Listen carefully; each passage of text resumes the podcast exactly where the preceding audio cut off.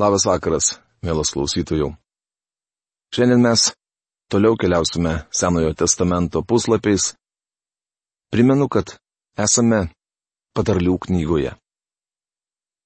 Prieš pradėdamas trečiojo skyriaus apžvalgą, noriu, kad mes palengtume galvas prieš kurėją. Tėve, mes dėkojame tau už brangę dovaną, šventąjį raštą, kurį tu palikai ir išsaugojai iki šių dienų. Dėkojame tau už mums sudarytą galimybę per radiją skleisti tavo Evangeliją, gerąją naujieną, išgelbėjimų žinę žmonėms. Dangaus Dieve, tu esi širdžių tyrėjas ir matai kiekvieną, kuris įsijungia viešpatę šią programą, Tu matai žmonių širdis, tu pažįsti jų mintis ir troškimus. Ir tik tai tu ir tavo žodis gali įtikinti žmogų esant nusidėjusi prieš tave. Aš meldžiu, kad tavo žodis ir jo aiškinimas padėtų žmonėms suprasti jų padėtį tavo atžvilgiu. Prašau, kad tie, kurie dar nepadarė sprendimo, galėtų galbūt netgi ir šiandien suklupti prieš tavo didybę, išpažinti viešpatę savo nuodėmės ir nusikaltimus tau ir pasikviesti tave į savo gyvenimą, kad nuo šios dienos, nuo šio vakaro tu vadovautum kiekvienam iš jų. Prašau taip pat, kad pateptų mano lūpas Dieve, kada bus aiškinama žodis. Jėzaus vardu. Amen. Taigi trečias skyrius. Dabar jaunuolis turi elgtis atsakingai. Jis paliko namus ir išėjo į platų gyvenimo kelią, kur akis į akį susiduria su realybė. Jaunuoliui patariama laikytis Dievo žodyje nurodyto kelio. Tai labai svarbu. Būtent Todėl vienas mano pažįstamas juvelyras Dalase, Teksaso valstijoje, išdalino jauniems žmonėms tūkstančius patarlių knygos kopijų. Šioje knygoje apstu gerų, nuostabių patarimų. Išmintis vaizduojama kaip moteris. Mums tikintiesiems ji įasmeninama viešpatyje Jėzuje Kristuje. Jo dėka ir jūs esate Kristuje Jėzuje, kuris mums tapo iš Dievo kylančia išmintimi. Rašoma pirmame laiške korintiečiams, pirmame skyriuje 30 eilutėje. Iš tikrųjų, jaunoliui reikia Kristaus. Berniukui reikia klausyti Dievo mokymų. Mano vaikė, neužmiršk mano mokymo. Ir te brangina tavo širdis mano įsakymus. Patarlių knygos trečios skyriaus pirmą eilutę. Čia vėl pavartotas kreipinys mano vaikė.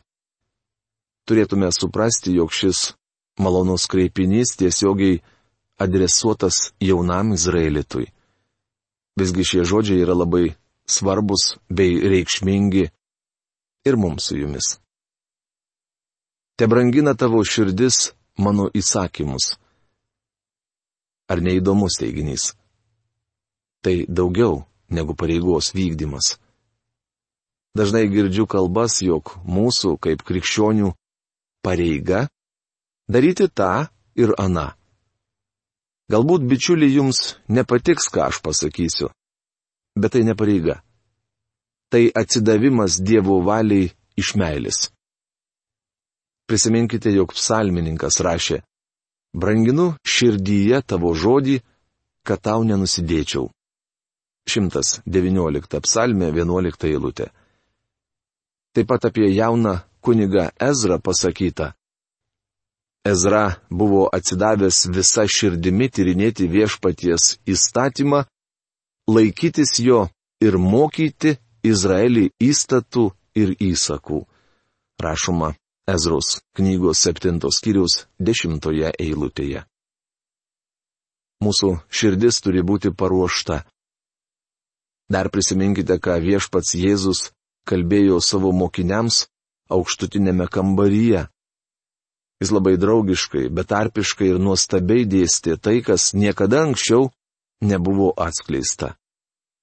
Viešpats Jėzus tiems vyrams sakė, Jei kas mane myli, laikysis mano žodžio ir mano tėvas jį mylės mes pas jį ateisime ir apsigyvensime. Rašoma Jono Evangelijos 14 skyriaus 23 eilutėje. Bičiuli, ar mylite jį? Jei mylite, tuomet jis nori kalbėti su jumis. Nesakykime, kad turime daryti tai iš pareigos. Neseniai vienas vyras man sakė, tikriausiai jaučiate pareigą kalbėti tai radio eteryje. Brolau, užmirškite apie pareigą. Aš myliu viešpati Jėzų ir stengiuosi daryti tai, ką manau, jis nori, kad aš daryčiau. Viešpats sako man skleisti jo žodį. Jis yra sėjėjas. Aš tik barstau sėklą ten, kur jis parodo. Darau tai, nes myliu jį.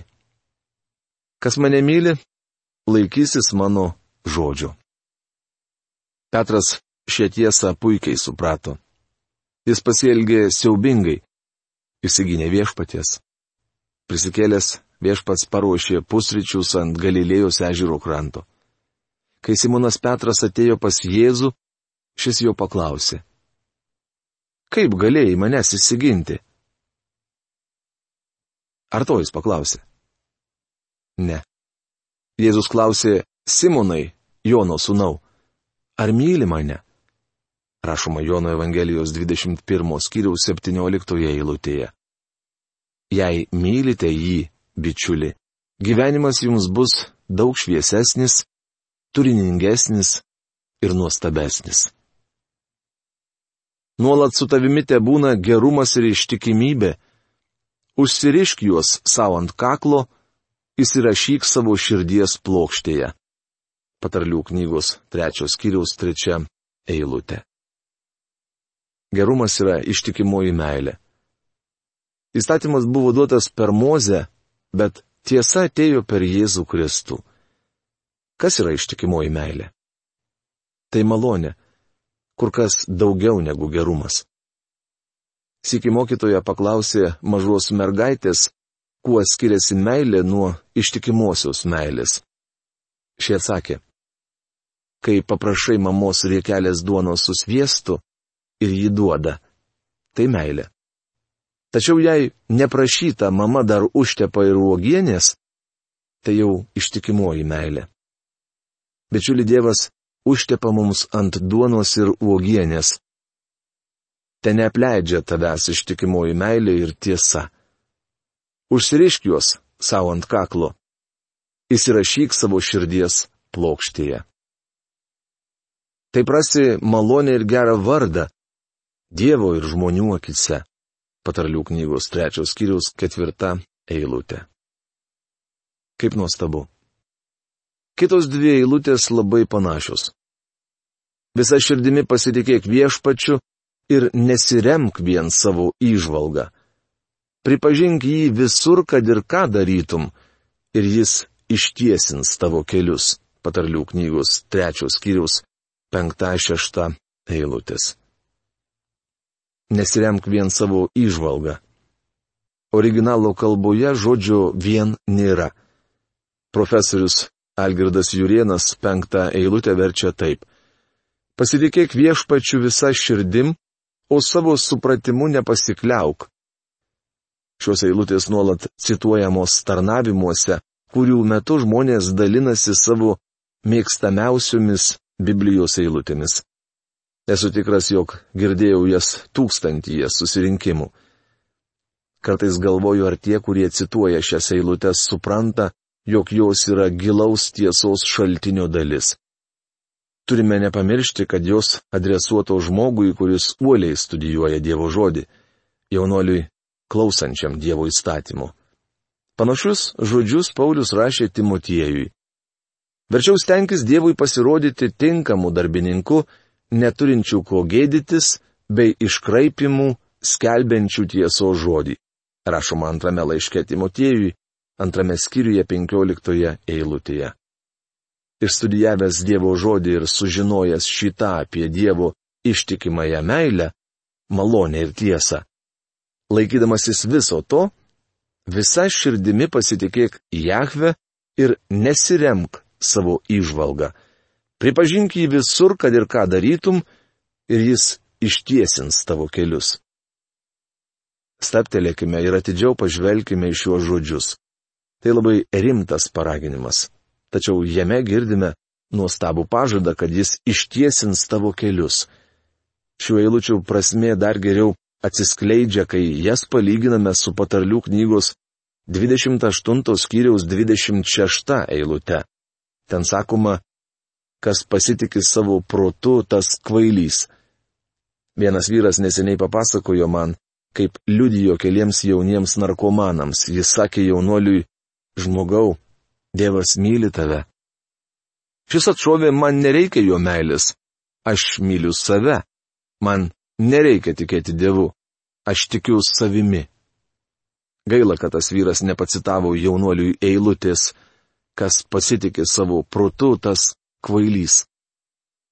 Kita vertus, nuostabu pasitikėti Jahve visą širdimi, būti visiškai jam atsidavus. Šiandien mums verkiant reikia besąlygiškai atsiduoti viešpačiui. Aš vis sugrįžtu prie frazės visa širdimi pasitikėk viešpačiu. Kartais atvykęs į oro uostą sužinau, kad skrydis atidėtas arba vėluos dėl blogo oro.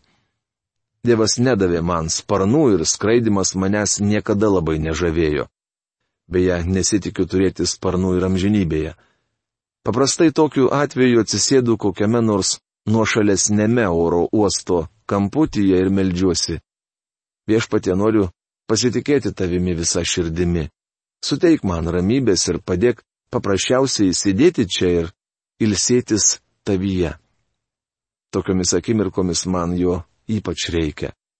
Visa širdimi pasitikėk viešpačiu ir nesiremk vien savo išvalgą. Jis veda mane gyvenimo taku. Turiu pripažinti, jog nepasitikėjau juo taip, kol nesusirgau vėžių. Iki to laiko kiekvieną naują dieną priimdavau kaip savaime suprantamą dalyką. Šekspyras ketvirtame Julijaus Cezario veiksme rašė. Žmogaus gyvenime yra banga, kurią pagauna srovė ir neša į likimo krantą. Panašiai ir aš žiūrėjau į gyvenimą. Tačiau daugiau taip nebežiūriu. Kiekvieną rytą pažvelgiu į dangų ir sakau, viešpatė, ačiū tau, kad leidai man išvysti dar vieną dieną. Dėkoju jam už bet kokią dieną - saulėtą ar niūrę pripažink jį visur, kad ir ką darytum, ir jis ištiesins tavo kelius. Praėjo daug laiko, kol supratau, ką tai iš tikrųjų reiškia gyvenime. Prisiminkite, jog viešpats Jėzus kalno pamokslė sakė. Todėl, jei tavo akis sveika, visam tavo kūnui bus šviesu, rašoma Mato Evangelijos 6 skyriaus 22 eilutėje. Tai neįtikėtina. Jei esate atsidavęs Dievui ir einate jo nurodytų keliu, vykdydami jo valią, visa kita nuostabiai atsistoja į savo vietas. Tuomet šviesu visam jūsų kūnui. Šviesos kupinas visas jūsų gyvenimas.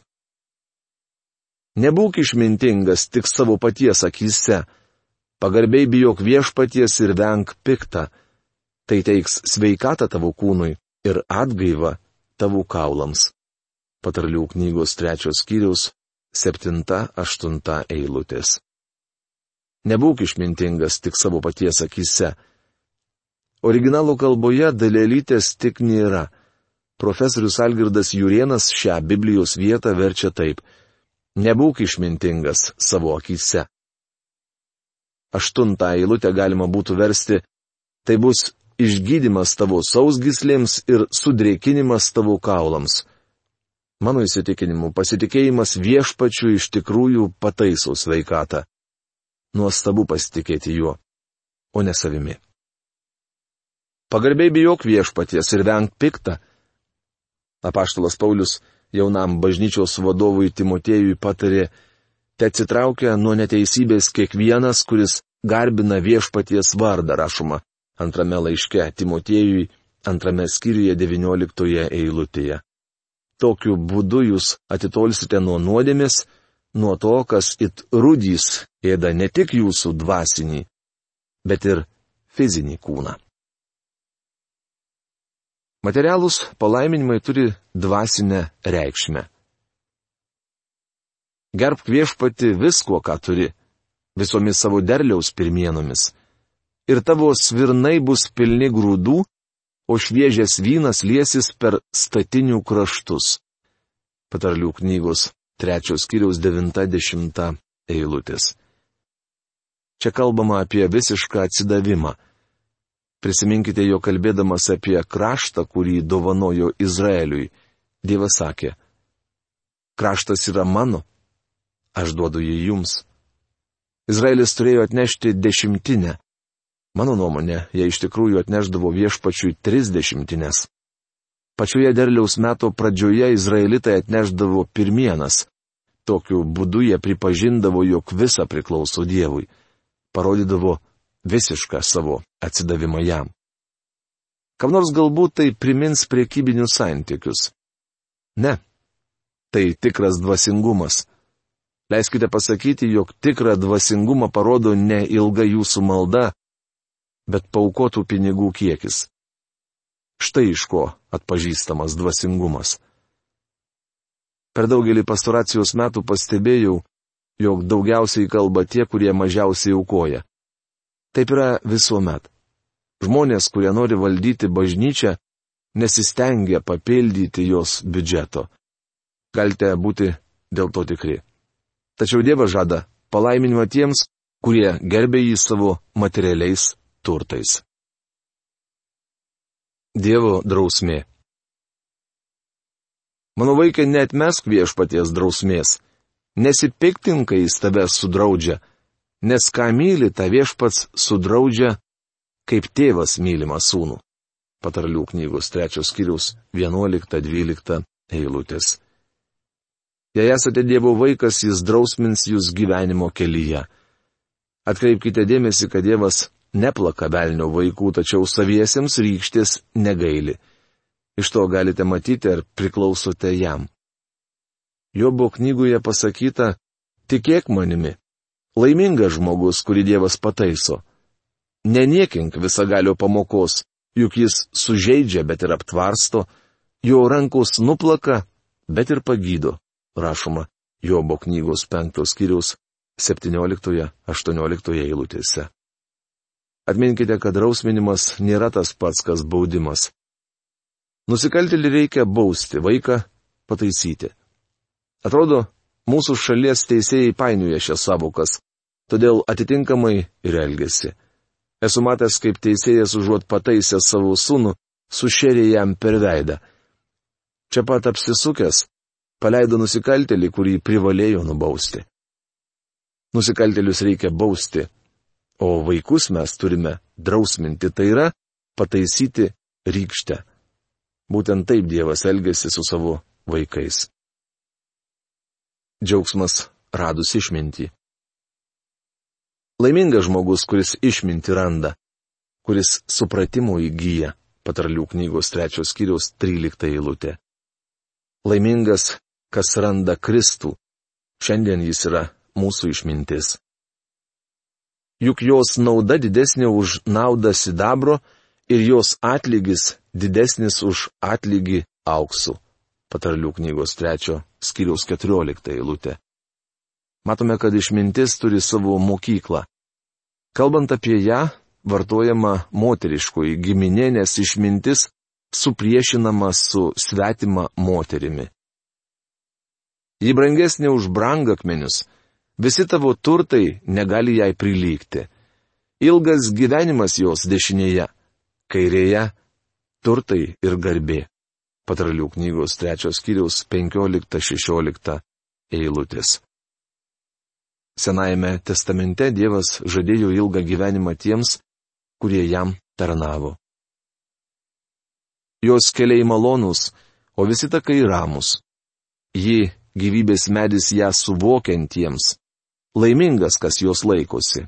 Patarlių knygos trečios skyriaus 17-18 eilutės. Kad suvoktum Dievo žodį, reikia laiko ir pastangų. Dievo dvasia netveria Dievo žodžio tingiems protams, o tik tiems, kurie yra budrus ir nori pažinti Dievo valią bei žodį. Bėda ta, kad šiandien daugelis žmonių nenori aukoti savo laiko ir jėgų Dievo žodžio studijoms. Dažnai tinginystė pridengiama pamaldžių žargonu ar religingomis frazėmis. Daugelis prisigraipsto gražiai skambančių žodžių ir pridengia jais savo apgailėtiną Dievo žodžio neišmanimą. Šiandien nėra kuo pateisinti Dievo žodžio neišmanimu. Taip, tam reikia darbo. Tačiau išminties keliai malonūs, o visi takai ramus. Išmintimi viešpats padėjo žemės pamatus, supratimu padarė dangų, jo pažinimu prasiveržė vandenų gelmes ir debesys lašina rasą. Patarlių knygos trečios kiriaus 19-20 eilutės. Mes su jumis gyvename labai tvarkingoje visatoje kosminėje programoje dirba daug tikinčių žmonių. Dalis jų klausosi mūsų radio laidų ir jas remia. Mus tai džiugina. Man keista, kad ne visi, kurie studijuoja gamtos dėsnius ir tyria visatos paslaptis, supranta, jog visata, kurioje mes gyvename, negalėjo atsirasti savaime. Jei atsirado savaime, tai kaip ir kur? Kur tas kiaušinis, iš kurio išsirito viščiukas? Ši visata tokia tvarkinga, kad žmonės gali sėsti į raketą, perskraudę erdvę nusileisti mėnulyje ir vėl sugrįžti į žemę. Žmogus manosi esas labai protingas. Tačiau jis viso labo atrado Dievo dėsnius, kurių dėka ši visata funkcionuoja it kompiuteris. Beje, galima drąsiai sakyti, kad geriau už bet kokį kompiuterį. Bičiuli, Jei visata būtų atsiradusi atsitiktinai, ji nefunkcionuotų taip tiksliai. Žmonės, dirbantys kosminėje programoje, gali priversti mažą kompiuteriuką reikiamų laikų nusiųsti raketą į reikiamą vietą tik todėl, kad Dievas nustatė labai tikslius dėsnius. Jis padarė tai savo išmintimi. Nenoriu pasirodyti nepagarbus, tačiau mūsų Dievas nėra marionetė. Mums reikia suvokti, kad jis neapsakomai protingas. Manau, Dievas norėtų, kad mes rimčiau ir protingiau žiūrėtume į jį ir jo kelius. O to neišmoksime niekur kitur, tik jo mokykloje. Iš Dievo žodžio. Tikiuosi, kad ši pamoka buvo jums visiems be galo naudinga ir paskatino jūs susimastyti. Iki greito susitikimo. Sudė.